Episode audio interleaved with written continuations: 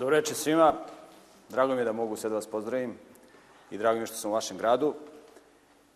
I nadam se da ćemo se družiti na jedan lep način u narednih nekoliko dana. Cilj ovih predavanja nije da se bavimo nekim naučno-popularnim temama. Cilj neće biti ni da se zabavljamo. Namera ovih predavanja je da ukaže na neke vrlo važne stvari i poruka ovih predavanja jeste da naučimo nešto praktično. Vi znate da savremeni čovjek ima puno problema. Čovjek ima ekonomske probleme, zdravstvene, porodične probleme i tako dalje. I pokušat ćemo da dođemo do nekih zaključaka i da razmišljamo o nekim temama koje će nam pomoći da danas kvalitetnije i bolje živimo. Vidjet ćemo da ovaj naš život koji mi živimo i koji izgrađujemo, možemo da uporedimo sa gradnjom jedne kuće, tako da ako postavimo dobar, dobar temelj, onda možemo da se nadamo i da će zidovi biti kako treba, i prozori, i vrata, i krov, i tako dalje. Ako ne postavimo dobar temelj, ako krenemo od pogrešnih pretpostavki, ako živimo u jednoj virtualnoj realnosti, ako živimo u jednom imaginarnom svetu, a ne u realnom svetu, Vi znate, danas mnogi ljudi žive u, u nekom imaginarnom svetu. Naprimjer, ljudi koji su pod dejstvom droge, pod dejstvom alkohola. Ili ljudi koji su zaljubljeni, na primjer. Znate, kada majka kaže zaljubljenoj čerki, slušaj, nemoj, taj mladić je i ovakav i onakav i... Ali ona je kao drogirana. I ona živi u jednoj drugoj realnosti.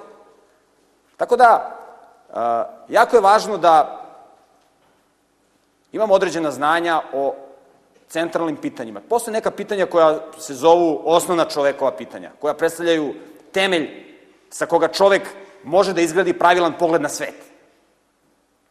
I ako posle ovih predavanja vi ne budete imali informacije kako da rešite svoje ekonomske probleme, znači, znate, savremeni čovjek razmišlja o tome kako da zaradi više para. Mi ćemo, između ostalog, o tome govoriti u ovoj seriji. Kako da čovjek ima bolje bračne odnose, Znači, ako ja ne uspem da vas uh, informišem ili da vas podstaknem da razmišljate o tim temama na jedan drugačiji način, onda ova moja predavanja neće biti uspešna. Znači, ja hoću da razmišljam o nekim važnim temama. Mi ćemo govoriti o nekim interesantnim fenomenima, govorit ćemo o dinosaurusima, o piramidama, o nekim nadprirodnim pojavama i o mnogim temama koje interesuju savremenog čoveka, ali, ponavljam, svrha svih ovih predavanja je da se osposobimo da kvalitetnije i bolje živimo. Vidimo da ova planeta na kojoj živimo izgleda možda predivna kada se posmatra iz svemirskog broda. Znate kako astronauti opisuju planetu Zemlju kao plavu planetu, predivnu planetu. Međutim, kada se spustite malo na ovu planetu i kada prođete ovim ulicama, vidite, vidite da ovde hare u bolesti, da ovde hara smrt, da ovde ljudi pate, da postoje velike, velike probleme, da je ova planeta jedna vodenica smrti u koju ljudi ulaze i nestaju. I zato je važno da tretiramo neka važna pitanja. Mi ćemo se dotaći pitanja čovekove smrti, jer tu postoje neka vrlo interesantna istraživanja na polju genetike i da vidimo zašto započinju procesi starenja kod čoveka i zašto konačno čovek umire. Tako da ćemo tretirati i ta pitanja. Ali u osnovi svih ovih pitanja, kako da zaradimo više para, Kako da se dobro oženimo ili da se udamo, to su pitanja koje mnoge tište. Znate, danas je mnogo teže oženiti se nego pre 50 godina ili 100. Kako da imamo više prijatelja? Kako da lepše živimo? Znači, to su pitanja koje ćemo mi da tretiramo, ali u temelju svih ovih pitanja nalaze se pitanja vezana za ono o čemu govori naslovna tema ovog serijala, to je darvinizam. Darvinizam je jedan pogled na svet. Jedan pogled na svet koji kaže da je čovek visoko razvijena životinja. Mi ćemo o tome da govorimo. I, da, I onda implikacije takvog jednog koncepta su dramatične. Veoma dramatične. Darvinizam je postao dominantan u sredinom prošlog veka, odnosno preprošlog, sredinom 19. veka. 1859. godine objavljena je knjiga Postanak vrsta časa Darvina koja je prodata u jednom danu, ceo tiraž. I od onda je darvinizam postao temelj za bavljanje ekonomijom, temelj za porodične odnose, temelj za sistem obrazovanja, temelj za vođenje politike, temelj za vođenje ratova. I o tome ćemo govoriti. Temelj za sve ono sa čime se čovjek bavi. I zato je bitno da analiziramo ovaj koncept, da vidimo kako on funkcioniše, da ga, da ga propustimo kroz prizmu naučnih činjenica i da vidimo da li je taj koncept adekvatan, dobar, verodostojan, i ako nije, da li postoji neki alternativni odgovor na pitanja koja tretira ovaj koncept, koncept darvinizma. I kada je 1859. godine, da vidite koliko je važan ovaj koncept darvinizma, nije to neka periferna tema, znate, sad mi pričamo, znate kako kažu amerikanci, kad pokrene se neka tema, oni su vrlo pragmatični. Oni kažu, kakve ja koristi imamo toga? Pa šta darvinizam? Znači, kakve koristi mi imamo toga? I sada pogledajte, 1859. godine, kada je objavljena knjiga Poreklo vrsta ili Postnak vrsta, Origin of Species, Charlesa Darwina, mentor iz biologije Charlesa Darwina, profesor Adam Sedgwick sa Univerziteta Cambridge, koji je bio veoma blizak sa Darwinom, kad je on pročitao knjigu svog bivšeg studenta, on mu je napisao sledeće pismo. Vrlo važno pismo. Između ostalog on kaže Moje poimanje moralnosti je šokirano odlomcima iz tvoje knjige. Kruna nauke jeste u tome što povezuje materijalno i moralno. Pazite, materijalno i moralno. To je kruna nauke. Ti si zanemario tu vezu, kaže profesor Sedžik, sam studentu bivšem. Ti si zanemario tu vezu između materijalnog i moralnog i ako sam te dobro shvatio, potrudio si se da je u jednom ili dva važna slučaja i prekineš. Znači da prekine vezu između materijalnog i moralnog. Mislim da bi, kaže Sedžik, kada bi to bilo moguće, što hvala Bogu nije, kaže on, ljudska rasa, zapazite šta kaže Sedžik, kada bi to bilo moguće što ti tvrdiš, Darvine, kaže Sedžik, kada bi to bilo moguće, ljudska rasa bi doživjela takvu degradaciju i pala tako nisko, kako nije pala od vremena o kojima nam govore pisani izveštaji o ljudskoj istoriji. Znači, vidite kakve su implikacije darvinizma. Kaže ovaj, on predviđa. Zato u nauci postoji jedan domen koji se zove predviđanje u nauci. Mi kada imamo određeno znanje u nauci možemo da se možemo da prorokujemo. Najbolji i najpoznatiji proroci u nauci su lekari. Oni kad vide nekog pacijenta, oni mogu da daju proročanstvo i da kažu ovaj će da umre za sedam dana. To se zove predviđanje, mi možemo da kažemo proročanstvo. Sve jedno. Zašto oni mogu da predviđaju, da proriču? Zato što imaju određena predznanja. I sada pazite, ovaj profesor iskusni iz biologije kaže Darwinu, ako, kada, kada bi se realizovalo to što ti hoćeš da kažeš, ljudska rasa bi doživjela takvu degradaciju i pala tako nisko kako nije pala od vremena o kojoj nam govore pisani izveštaj o ljudskoj istoriji. Zato što postoje pisani izveštaj koji govore da su ljudi u stara vremena bili kanibali, da su radili najgroznije stvari, da su prinosili svoju decu na žrtvu i tako dalje i tako dalje. I kad pogledamo šta se desilo Darvina na ovamo, mi vidimo stravičnu ljudsku dekadenciju. Pogledajte ratove koji su nastupili od sredine 19. veka na ovamo. To su milioni i milioni ljudskih žrtava. Nikada toliko nije bilo bolesnih. Nikada nije bilo toliko samoubistava. Toliko slučajeva da ljudi sami sebi oduzimaju život, ne samo klasičnim samoubistvom, nego polaganim samoubistvom, kao što je konzumiranje raznih oblika narkotika i tako dalje i tako dalje. Nikada nije bilo toliko neposlušnosti roditelja prema deci, odnosno dece prema roditeljima. To je međusobno uzemna veza. I zato ćemo da se bavimo darminizmom sa aspekta nauke. Znači, nauka je primenjena logika po definiciji. To je definicija koju je dao Hegel. Znači, ko je naučnik? Naučnik je onaj koji primenjuje logiku. U nauci argument autoriteta nije nikav argument. Znači, onaj koji primenjuje nau logiku, on je naučnik. Znači, svako od vas može da bude naučnik. U nauci argument autoriteta nije nikav argument. To uče svi studenti na fakultetu. Šta to znači? Znači sad ovde dođe 10 Nobelovaca, 20 doktora nauka, 100 akademika i kažu, dragi prijatelji, hoću da vam kažem da je ovaj, vi možda niste znali, evo ja ću otkriti jedno veliko otkriće, ovaj zid je crn. I vidite da ovaj zid nije crn. Znači, to što on ima akademsko zvanje nema nikakvu težinu. U nauci su relevantne činjenice. I ja vas pozivam da budete porota, kao na jednom suđenju, kao da mi sad ovde sudimo darvinizmu. Izašla jedna jako dobra knjiga u Americi, zove se Darwin na sudu, tako se zove. Napisao jedan a, profesor prava na univerzitetu Kalifornija Berkeley, koji je bio zamnik državnog tužioca u Sjedinje američke država, dr. Philip Johnson, i on je napisao knjigu Darwin na sudu i on sad poziva čitoce da budu porota. On iznosi argumente protiv darvinizma, ali on želi da čitoci budu porota. I sad vi slušate argumente koje ću ja da iznesem ovde i vi sad zaključujete. Da vidimo koliko su validni ovi argumenti, šta priča ovaj čovjek ovde. I mi ćemo s aspekta nauke, korak po korak, da analiziramo darvinizam i da dolazimo do odgovora na pitanja koje interesuju sve nas, koja sam naveo na samom početku. Znači, na praktična pitanja koje nas interesuju, na praktične probleme. Kako da budemo zdravi, kako da rešimo bol u bubregu. Verujte da darvinizam ima i tekake veze sa bolom u bubregu ili sa bolom u glavi. Ili sa proširenim venama. I to ćemo videti. To ćemo videti. Ili sa time kako sejete luk. Znate, nije isto da li sejete luku i prihvatate darvinizam ili sejete luk i ne prihvatate darvinizam. To je pogled na svet. To menja kompletnu koncepciju. Nije isti pogled na sve, nije isti vaš život.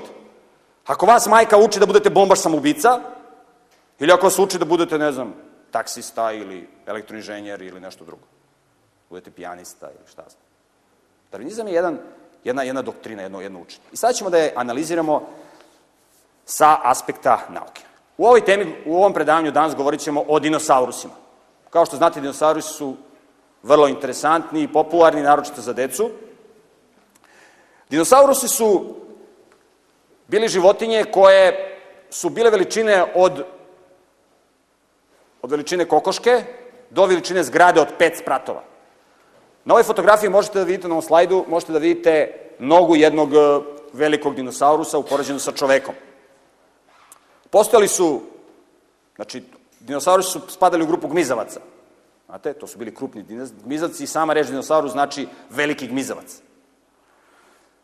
Dakle, postali su uh, dinosaurusi koji su hodali na kopnu, postali su gmizavci, koji možemo da nazovemo dinosaurusi koji su žili u vodi, postali su takođe leteći gmizavci, leteći dinosaurusi koji su imali velike zube, koji su, bili, koji su imali raspon krila preko 15 metara. To možemo da zaključimo na osnovu fosila, na osnovu njihovih ostataka koje pronalazimo u stenama, koji su bili pravi strah i trepet. Zamislite, šetate ulicom, ono, čudovište od 15 metara leti iznad vas. Gleda koga će da proždere. Vi znate da u, u mnogim narodima postoje legende o zmajevima i tako dalje, mi ćemo i to da dotaknemo u ovom predavanju, ali vidimo, da vidimo da se upoznamo malo sa dinosaurusom. Dinosaurusi, inače, neki su bili biljojedi, neki su bili mesojedi. I sada da vidimo kako su nastali dinosaurusi na osnovu darvinističke teorije.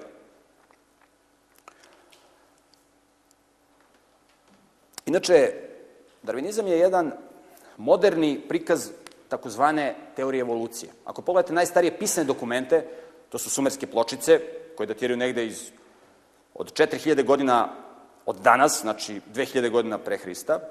Na tim sumerskim pločicama takođe možete da vidite da su drevni sumeri verovali u neke oblike evolucije. Kasnije je francuski naučnik Lamarck uobličio tu teoriju evolucije na jedan poseban način, I ako odete u Pariz, vidjet ćete u jednom od centralnih parkova veliku bistu Lamarku i dole piše ispod biste Lamarck, osnivač teorije evolucije. Znači, Francuzi se ponose sa Lamarkom, zato što smatruju da je on osnivač teorije evolucije, a Charles Darwin je malo modifikovao tu Lamarkovu teoriju, inače staru teoriju koju su još i sumeri verovali, on je malo modifikovao, prikazao na lepši način i ona je eksplodirala u javnosti i bila opšte, uh, u početku je naišla na velike otpore, ali je bila jako dobro prihvaćena i kasnije sve više i više i više, tako da je danas postala toliko dominantna teorija da ćete čuti mnoge biologe, Nobelovce, evo na primjer Teodozijus Dobžanski kaže da ništa u svetu biologije ne može da se posmatra van okvira evolucije. A profesor Richard Dawkins sa Oxfordskog univerziteta kaže da onaj ko ne veruje u darvinizam, da je on ili pokvaren, ili lud, ili zao. Tako kaže profesor Richard Dawkins sa Oxfordskog univerziteta. Sad ćemo mi malo da vidimo šta kaže darvinizam, evo, tretirat ćemo ga po pitanju dinosaurusa. Na osnovu darvinističke teorije, evolucijne darwinističke teorije, pre oko 15 milijardi godina, znači bavimo se pitanjem kako su nastali dinosaurusi. Pre oko 15 milijardi godina, kaže teorija, u svemiru je postojalo samo jedno kosmičko jaje. Pazite, tako, kosmičko jaje, tako ga zovu. Možete pročitati englesku, na engleskom jaje, egg, kosmičko je jaje. I ono je bilo jako malo i onda je došlo do eksplozije tog kosmičkog jajeta pre oko 15 milijardi godina. I taj trenutak se naziva Big Bang ili veliki prasak. Znači, da vidimo kako nastaju dinosaurusi. Od eksplozije. To je prvi korak. Posle ove eksplozije, u univerzumu su postojali oblaci dva naj, dvoje najprostijih hemijskih elemenata, vodonika i kiselnika. I kaže ova teorija, odjednom su taj vodonik i kiselnik počeli da se zgušnjavaju i da formiraju oblake. I onda su ti oblaci počeli da se zgušnjavaju sve više i više i tako su nastale prve zvezde. I nastale su prve galaksije. Pazite, gas, plin se zgušnjava. To je malo čudno, znate. Zamislite, mi imamo u ovoj, u ovoj prostori imamo vazduh koji udišemo. On je ravnomerno raspoređen. To je osobina gasa, da se ravnomerno raspoređuje. Nelogično je bilo sad ovaj vazduh u ovoj prostori da se skoncentriše tamo u onom ćošku i da se zgusne i mi sad ovde počnemo da se gušimo, ne možemo da dišemo, nema. To je bilo absurd. Logično je da se, a prema drniškoj teoriji dolazi do zgušnjavanja ovog vrlo jednostavnog gasa koji se sastoji od vodonika i kosenika i dolazi do formiranja zvezda i galaksija, konačno nastaju izuzetno složeni sistemi kao što su galaksije, ali vidite, galaksije su disk, kao diskovi, oni rotiraju. Na ovom slajdu možete da vidite dve galaksije koje rotiraju pod 90 stepeni, ali se ne sudaraju. Izuzetno složen sistem. Navodno nastao od eksplozije. I od jedne takve zvezde, koja se zove Sunce, pre oko 4,5 milijarde godine, kaže ova teorija, odvojio se jedan komadić usijane mase, koji je počeo da se hladi i pre oko 4,5 milijarde godine došlo do formiranja naše planete, planete Zemlje. Na našoj planeti u to vreme postojali su, znači ona je bila usijana, ona se hladila, međutim ono što kaže ova teorija da na toj planeti su postojali okeani i u jednom od tih okeana slučajnim procesima došlo je do formiranja prvog organizma na planeti Zemlje, jednoćelijskog organizma. Znači, u okeanu nastoje prvi jednoćelijski organizam na nivou bakterije, to je bila neka ameba, oni kažu, kaže ova teorija, i Znate, tu jedan, postoji jedan problem, jer mi znamo da u prirodi postoji jedan zakon u biologiji, zakon biogeneze, koji kaže da živa bića nastoje samo od živih bića. To je nečuveni zakon koji još Louis Pasteur definitivno potvrdio. Omne vivo ex vivo. Živo samo od živog, to vidite u prirodi. Psi nastoje od pasa, konje od konja, mačke od mačaka. Ne može živo da nastane od neživo.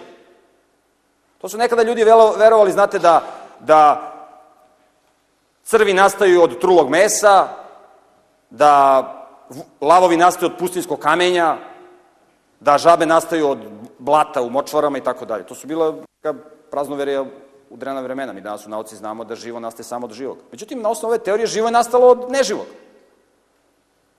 Što je direktno suprotnosti sa biološkim zakonima. I dalje se ovaj jednoćelijski organizam razvijao. Ne samo da je ostao na nivou jednoćelijskog organizma, nego su od tog jednoćelijskog organizma nastali beskičmenjaci, crvi, puževi, školjke, brahiopodi, amoniti, rakovi i tako dalje i tako dalje. Pre oko nekih 500 miliona godina. Život je navodno nastao pre oko 3,5 milijarde godina. Znači, pre 15 milijardi godina eksplozija, veliki prasak, pre oko 4,5 milijarde godina nastanak zemlje, pre 3,5 milijarde godina nastanak života, prvog života jednoćelijskog organizma, pre oko 500 miliona godina, kaže darvinizam, nastali su jednoćelijski, uh, višećelijski organizmi, beskičmenjaci, i od nekog puža ili gliste ili nekog uh, neke školjke, ne zna se tačno od koga, nastali su, nastali su prvi kičmenjaci, prve ribe. I onda su se ove ribe dalje razvijele, one su se razvijele u okviru svoje vrste, ali su neke ribe izašle na kopno, kaže ova teorija, bila su neka plitka jezera, da ribe ne bi izumrle, one su počele da se polako pomiču i perajaju su im se pretvorila u noge, škrge su im se pretvorile u pluća i prikazuju se ovaki crteži da su ribe izašle na kopno i da su prohodale. Od ovih riba su kasnije nastali, kaže darvinizam, nastali su vodozemci, znači žabe, salamandri i tako dalje, a od vodozemaca su nastali gmizaci, među kojima su i dinosaurusi. Dinosaurusi su navodno se pojavili pre nekih 200 miliona godina, 230 miliona godina i nastali su raznovrsni oblici dinosaurusa. Znači, od neke bakterije, preko crva, puževa, riba, žaba, nastali su gmizavci, dakle dinosaurusi. Od ne, jedne vrste dinosaurusa smatra se da su nastale ptice, kaže darvinizam, od druge grupe, dinosa, od druge grupe gmizavaca nastali su sisari, čovjek spada u sisare, kao što znate, Znači, nastali su sisari, sisari su se razvijali, kaže teorija, i nastali su onda viši sisari, takozvani placentalni sisari. I od, na vrhu tih placentalnih sisara nalaze se ljudi. Na vrhu. A najprimitivniji placentalni sisari od kojih su ljudi nastali jesu bubojedi, kaže ova teorija. Znači, ovo su veoma bliski čovekovi preci. Ovi bubojedi su evoluirali u tarzijere, tarzijeri u lemure, a lemuri u majmune od kojih su navodno nastali ljudi, kaže darvinizam. Znači, od jedne eksplozije vidite kako su nastali dinosaurusi i konačno kako su nastali ljudi. I to je ono čuveno evolucijno stablo, darvinističko, znači od jednog ćelijskog organizma nastali su, nastali su sve biljke i nastali su svi organizmi i čovek, uključujući i uključujući dinosauruse. Međutim, teorija kaže da su ovi dinosaurusi odjednom nestali sa planete Zemlje. Jedan a, darvinistički paleontolog kaže, ako pogledamo geološku istoriju, kaže, to vam je kao da gledate pozorišnu predstavu. I kaže, glavni igrači su gmizavci. I odjednom se spušta zavesa i prolazi nekoliko trenutaka, zavesa se podiže, nema gmizavaca, nema dinosaurusa i odjednom sisari, kaže. Zato što na osnovu darvinističke teorije dinosaurus su nestali sa lica zemlje pre nekih 65 miliona godina, kako oni kažu. Jednostavno nestali. I dugo su se vodile polemike zašto su dinosaurusi nestali, šta se to desilo. I onda jedan profesor sa Univerziteta Harvard, profesor Alvarez, dobio Nobelovu nagradu za objašnjenje koje on ponudio koje je naučna zajednica prihvatila, za objašnjenje kako su nestali dinosaurusi. Naime, profesor Alvarez je kazao da je pre oko 65 miliona godina došlo do jednog izuzetnog događaja koji je uzrokovao izumiranje dinosaurusa.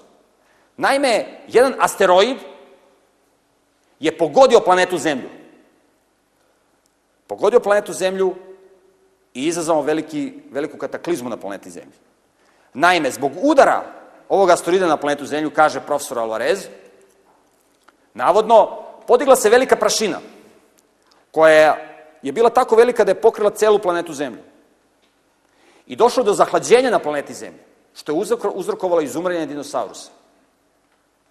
Činjenica je da su dinosaurusi bili gmizavci, kao što znamo, a i to, i to mi znamo da su gmizavci takozvane poikiloterne životinje ili hladokrvne životinje, koje ne mogu da održavaju svoju telesnu temperaturu. Znači, ako su velika kolebanja temperature, gmizavci izumiru. Oni ne mogu to da podnesu. Najveći gmizavci koji danas žive su krokodili.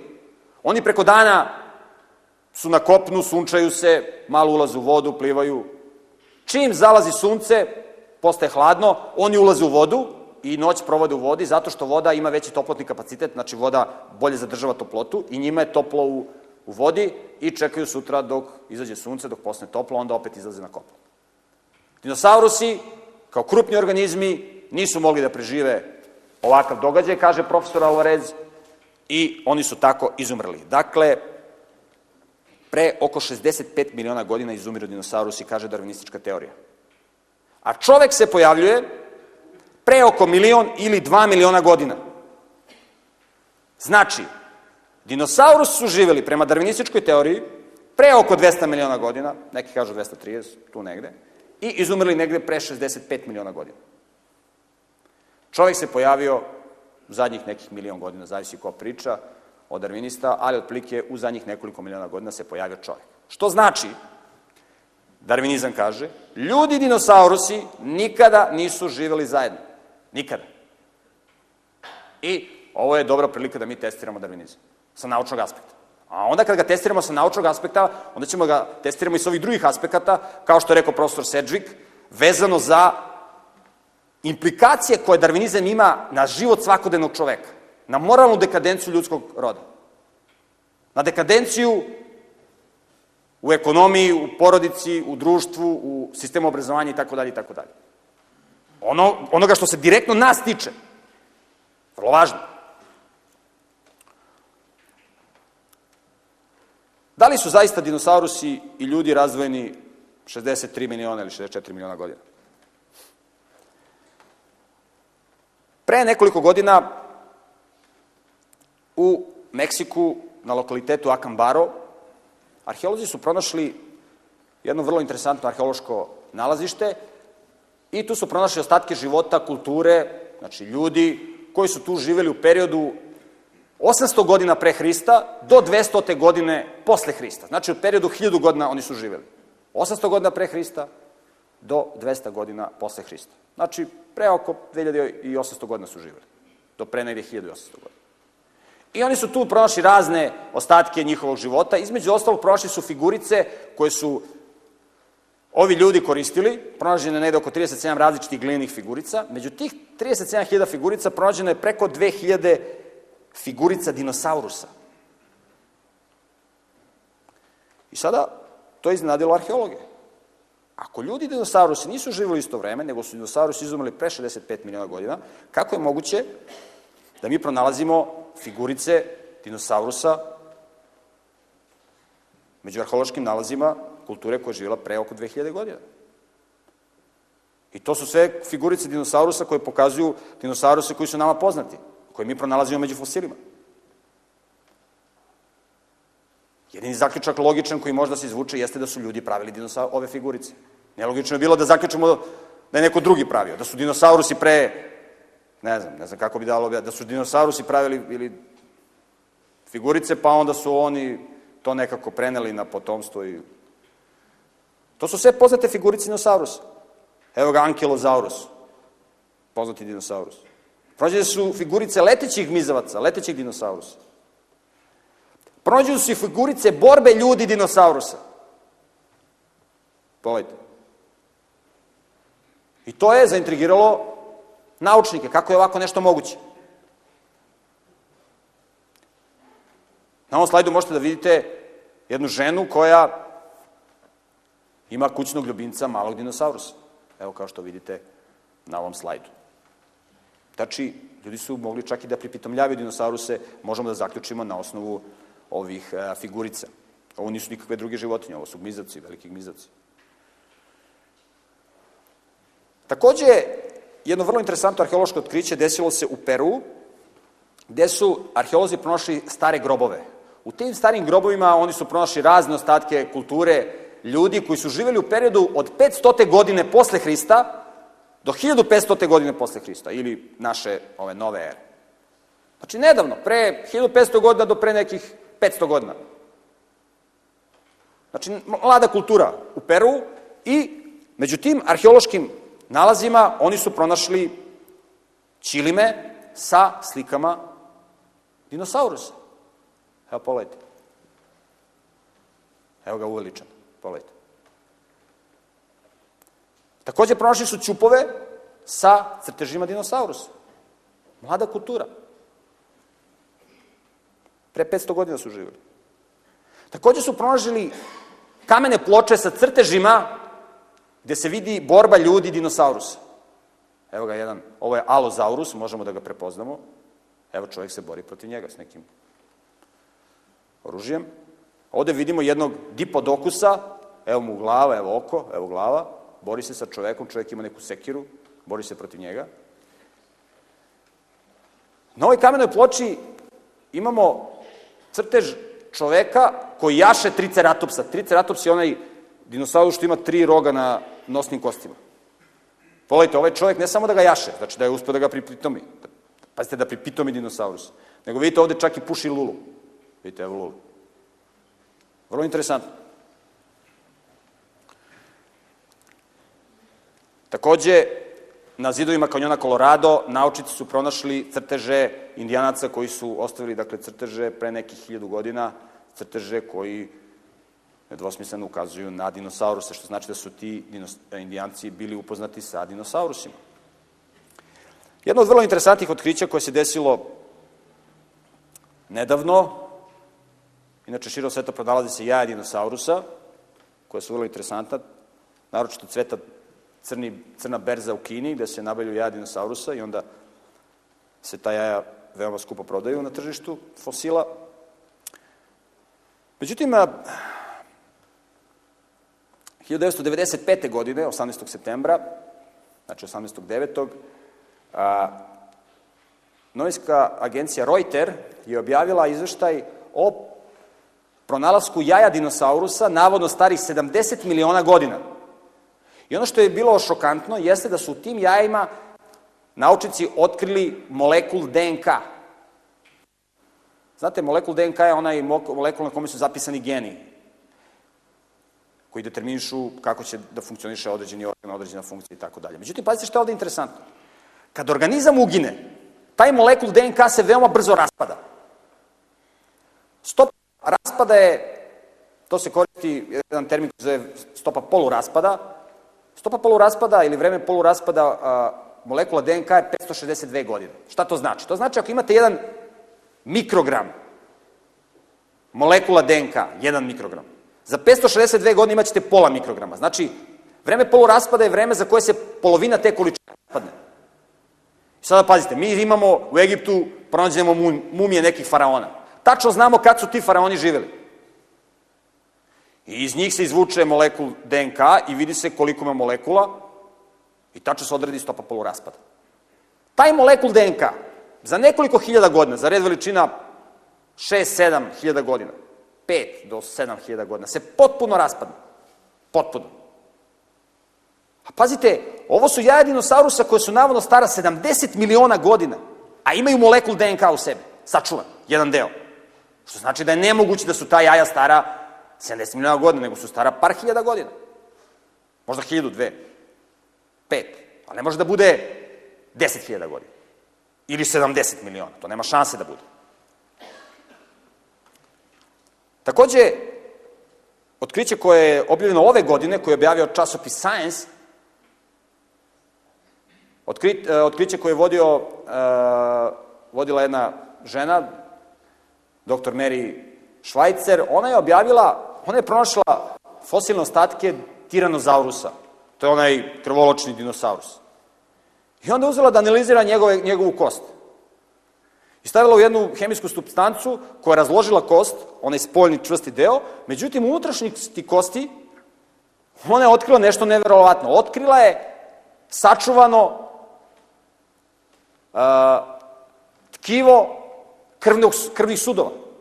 Što je nemoguće ako su dinosaurusi živeli pre nekoliko desetina miliona godina ili pre stotina, 100, 200 miliona godina.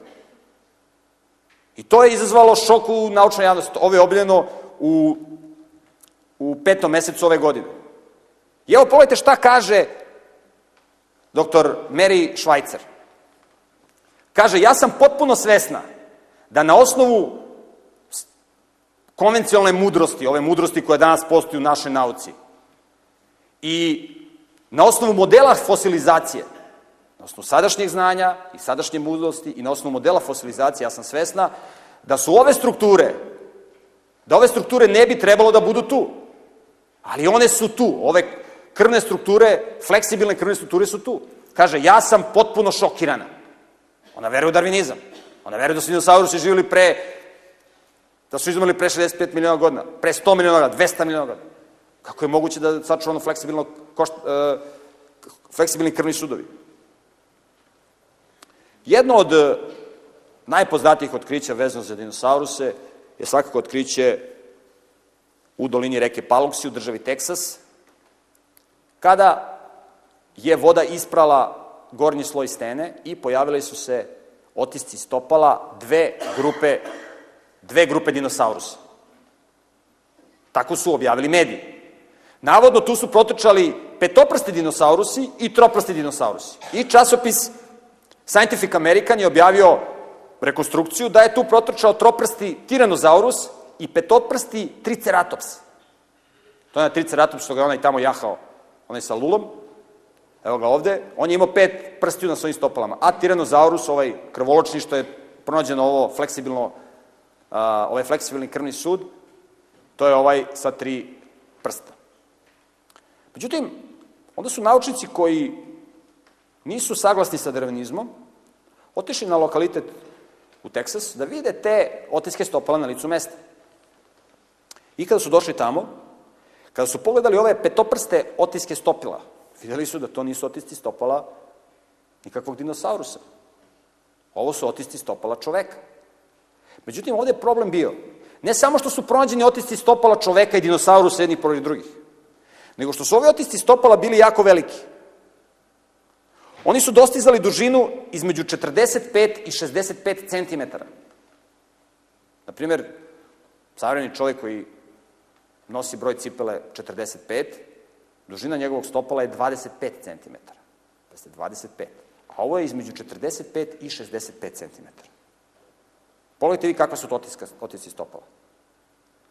Ogromni. Oni su pronađeni u istim slojevima sa oticima stopala dinosaurusa. Pogledajte, oni su imali otiske stopala kao dinosaurusi. I znate kako, kako je glasio naslov naučnog rada koji je objavio naučnik koji je otkrio? Kaže, uh, thunder in his uh, uh, footprints. Kao grom u njegovim oticima stopala. Kad je video otiske stopala ovog čoveka. Dakle, vidimo da su ljudi nekada bili mnogo krupniji na osnovu onog fosilnih. Da su bili veliki skoro kao dinosaurusi, tu negde. Su bili jako visoki, velike otiske stopala. Na lokalitetima Perua i Meksika, ne samo da pronalazimo od velike otiske stopala, dakle na, Peru, na lokalitetima Perua i Meksika naučnici su otkrili velike lobanje ljudi, otkrio ih je Robert Connolly. A, Na ovom slajdu vi ne vidite baš najbolje u pozadini. Otprilike, veli... ove lobanje su zapremljene između 1600 do 3200 kubnih centimetara. Pazite, 1600 do 3200. A prosečna zapremljena lobanja, a, znači prosečna zapremljena lobanja savremenog čoveka je 1450. Pazite, 1450. Ove su između 1600 i 3200. Pogledajte. Prilike, ovde je bila ovako ljudska lobanja, do ovde negde. Ovo lebanje, ove lobanje su vrlo neobične. Ne samo što su velike, nego su neobične. Vidite kako su izdužene. Zašto su izdužene? Mi znamo da neka domorodačka plemena su imala praksu da svoje deci vezuju, a, kad su mala, kad imaju nekoliko meseci, da im vezuju daske na čela i onda kako im se loba, kako se detetu lobanja razvija, ona se deformiše i poprima ovakav oblik. Oni su verovali da će deca koje imaju ovakav oblik lobanja, kasnije ljudi, biti mnogo inteligentniji i napredniji. Ovo je jedna od najvećih lobanja, koja ima negde 3200 kubnih centimetara. Pogledajte ovu lobanju, ovde su očni ludi. Takođe, jedna, jedno vrlo interesantno otkriće jeste otkriće koje je obiljeno u Turskoj. Znate, fosili se redko pronalaze, niko nije zainteresovan za fosila, toga nema, nema, nema para, nema novca. I onda kad se rade neki, kad se kopaju bunari ili kad se izlači šljunak iz iz reke ili kada se probijaju tuneli, onda građevinski radnici vide, kaže, vidi ovo, šta je ovo, neke strukture neobične, neke kosti, neke...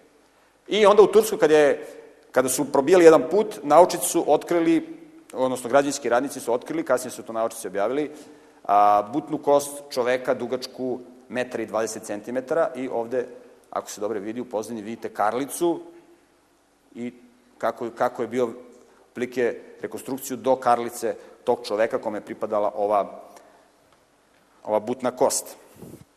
Pitanje se postoje kako to da su ljudi mogli da budu ovako krupni, kako to da su ljudi i dinosaurusi živjeli u isto vreme, posle se mnoštvo, mnoštvo pitanja. Jedno otkriće koje je vrlo interesantno vezano za ovo, za odgovor na ovo pitanje, jeste otkriće čekića u istim onim slojima gde smo pronašli ostatke otiske stopala ljudi i dinosaurusa. Naime, u tim slojevima stene, gde su pronađeni otici stopala dinosaurusa, pronađen je ovaj čekić. To je sad vrlo interesantno, otkud čekić u istim slovima gde su i otici stopala dinosaurusa, znači da, su, da je ovaj čekić iz vremena kad su živjeli dinosaurusi. Ko je koristio taj čekić? Ko je pravio taj čekić? Znate, niko ozbilja neće da kaže da su dinosaurusi pravili čekići da su ih koristili. Znači, očigledno da ovaj čekić pripadao nekom, nekom čoveku. Ali ono što je interesantno vezano za ovaj čekić, jeste da su, da je legura od koje je napravljen ovaj čekić, legura koja ne može da nastane pod sadašnjim atmosferskim uslovima. Znači, metalurzi su bili iznenađeni kada su analizirali ovaj čekić i kada su ustanovili da se ovaj čekić sastoji od gvožđa, dakle, odnosno željeza, hlora i sumpora u takvoj proporciji koja danas, po današnjim atmosferskim uslovima, ne može da nastane. Što ukazuje da su nekadašnji uslovi života na planeti Zemlji, atmosferske prilike, bile drugačije. I da su zato mogli da žive ovako krupni organizmi. Jer mi znamo danas, ako uzmete jednu biljku, pa, pa joj, na primjer, povećate koncentraciju ugljen dioksida, ona će da počne da se razvije, da bude mnogo krupnija, mnogo veća. Ako povećate atmosferski pritisak, ona će opet rapidno da raste, da bude krupnija i veća. I, dakle, ovaj čekić, kada je analiziran skenerom, otkriveno je da je njegova hemijska struktura zaista neverovatna. Ne samo da pronalazimo vrlo interesantne fosile dinosaurusa i ogromnih ljudi, takođe pronalazimo, u skladu sa ovim otkrićem Čekića, koji ukazuje na drugačije atmosferske uslove na zemlji u geološkoj prošlosti, na primjer, paleontolozi su u ledu severnog pola pronašli fosile tropskih školjki. Pazite, večiti led severnog pola, duboka, niska temperatura, duboko zamrzavanje. Mi pronalazimo fosile tropskih školjki. Nedaleko od severnog pola pronađeni su fosili zmija, krokodila, dinosaurusa. A zmije, krokodili i dinosaurusi žive samo u toplim uslovima. Što znači da je tu nekada bilo tropsko more. Samo u tropskim morima žive tropske školjke. Mi pronalazimo fosile južnih bukvi, koji žive samo u toplim regionima. Takođe pronalazimo ogromne školjke, koji imaju prečnik nekoliko metara. Evo ovde vidite upoređenje sa ljudima. Takođe fosili krokodila koje pronalazimo. Ukazuje da su krokodili nekada bili mnogo, mnogo krupniji nego današnji. Ovo je jedna rekonstrukcija. Na osnovu fosilnih zapisa možemo da vidimo da su krokodili nekada bili dugački preko 12,5 metara i da su bili visoki 2,5 metra. Evo upoređenje sa čovekom. To zaključujemo na osnovu fosilnih nalaza. Ovde vidite lobanju, fosilnu lobanju a, Dabra, koji je izložen u muzeju St. Louis i ovaj dabar je bio veličine crnog medveda. Znači, krupna, krupna životinja, mnogo krupnija nego savremeni dabrovi. Takođe, pronađeni su fosilni ostaci jelena koji su imali raspon rogova preko 3,5 metra. Evo da vidite rekonstrukciju kako su izgledali ti, ti jeleni u poređenju sa, sa savremenim čovekom. Znači, bili su mnogo, mnogo krupni.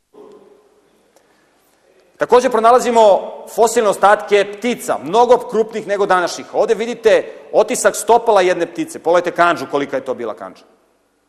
Na osnovu fosilnih kostiju rađene su rekonstrukcije da su te ptice bile teške i preko 500 kg. Evo da vidite, ovo je, izlož, ovo je jedan rekonstrukcija te ptice, ptice u jednom muzeju pored čoveka, savremenog čoveka. Ovde vidite rekonstrukciju crtež ptice u poređenju sa današnjom lisicom, da mo, gde možemo da vidimo a, koliko su te koliko su te ptice bile velike. Takođe, jedna druga vrsta ptica, pingvini, bile su skoro duplo veće od današnjih pingvina. Evo, ovo su fosilni ostaci tih pingvina koji su pronađeni, na osnovu kojih je izvršena rekonstrukcija a, pingvina, ovo, ovo je u jednom muzeju. Najveći kopneni organizam koji žive na planeti Zemlji na osnovu fosilnih ostataka, možemo da vidimo je bio bezrogi nosorog, koji je bio ogromna životinja. Evo vidite otprilike koliko je on bio velik u poređenju sa savremenim čovekom. Dakle, vidimo da su u geološkoj prošlosti ljudi i dinosaurusi živjeli u isto vreme. Da su ljudi bili mnogo krupniji. Da su životinje bile mnogo krupnije. I životinje i biljke. Mi pronalazimo ogromne naslage uglja, koje predstavljaju fosilizovan biljni materijal. To su bile ogromne, ogromno drveće visoko preko 30 metara. Kako je ovo moguće? Vidimo na osnovu nalaza Čekića i tako dalje, da su atmosferski uslovi na zemlji nekada bili drugačiji. Da je klima bila topla na svim meridijanima. Vidimo da na osnovu ovoga što pronalazi paleontologija i na osnovu fosilog zapisa i na osnovu geologije i metalurgije vidimo da su klimatski uslovi nekada bili, bili drugačiji nego što su danas. I vidimo da na testu dinosaurusa darvinizam ne može da funkcioniše. Postoji samo jedan istorijski izveštaj koji je kompatibilan sa ovim nalazima. To je jedan stari istorijski izveštaj koji je zapisao jevrijski istoričar Mojsije. On govori o tome da su klimatski uslovi na planeti Zemlji u geološke prošlosti bili drugačiji, da je bila umerena klima na svim meridijanima, da kiša nije mogla da pada, znači da su uslovi života bili potpuno drugačiji, da su organizmi bili mnogo krupniji, zabeležio je Mojsije, on je to pisao pre nekih 3.500 godina, i da su ljudi i dinosaurusi živeli u isto vreme. To je jedan drevni izveštaj koji je jedini, kažem, kompatibilan sa a, ovom, a, ovim a, fosilnim nalazima. U sutrašnjem predavanju analizirat ćemo jednu geološku strukturu, analizirat ćemo a, lokalitet na planeti Zemlji, jedan lokalitet na planeti Zemlji koji se smatra najvećim čudom prirode i gledat ćemo ga u svetlu darvinizma. Naime, kada je Charles Darwin posmatrao kanjon reke Santa Cruz, on je kazao, vidi kako mala rečica, a kako veliki kanjon. Potrebni su milioni milioni godina, to je dokaz za milione godina evolucije, kako mala rečica, kako male promene, erozija može za dugi vremenski period da izdobi veliki, veliki kanjon. I mi ćemo sutra analizirati najveći kanjon na svetu, koji predstavlja najveće čudo prirode, kanjon koji svake godine poseti preko 4 miliona ljudi, da vidi kakva je to rupa, šta se tu desilo. To je ogroman kanjon, dugačak preko 400 km, dubok preko 1000 metara, širok na nekim mestima do 30 km. Jedna atrakcija, ja sam imao prilike da ga vidim, nešto zaista neverovatno. I sutra ćemo mi analizirati darvinizam i njegove implikacije u svetlu najvećeg čuda prireda ovog kanjona, kanjona Colorado, Grand kanjona koji se nalazi na raskršću četiri države u Sjedinjim američkim državama. Ja vas pozivam na to predavanje i ovde bi stao za večeras. Ukoliko budete imali nekih pitanja, na izlazu će, e, će se nalazi jedna kutija sa jednom ceduljicom, ko hoće može da zapiše pitanja i da ubaci. Ako neko hoće nešto lično da pita, ja ću biti tu, može lično da me, može lično da me kontaktira da me pita vezano za ovo o čemu sam govorio večeras. Hvala vam na pažnji i pozivam vas na novo druženje sutra u 7 sati na mestu. Prijatno.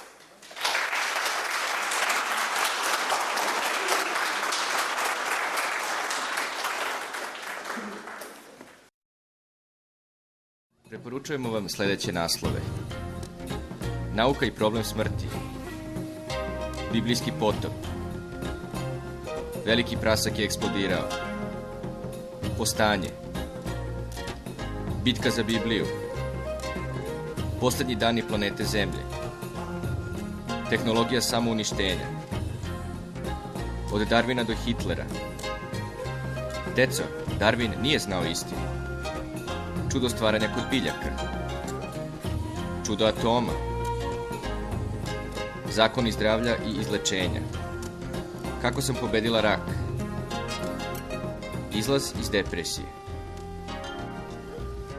Ova i druga izdanja poručite na www.cps.org.u ili na telefon 062 200 046.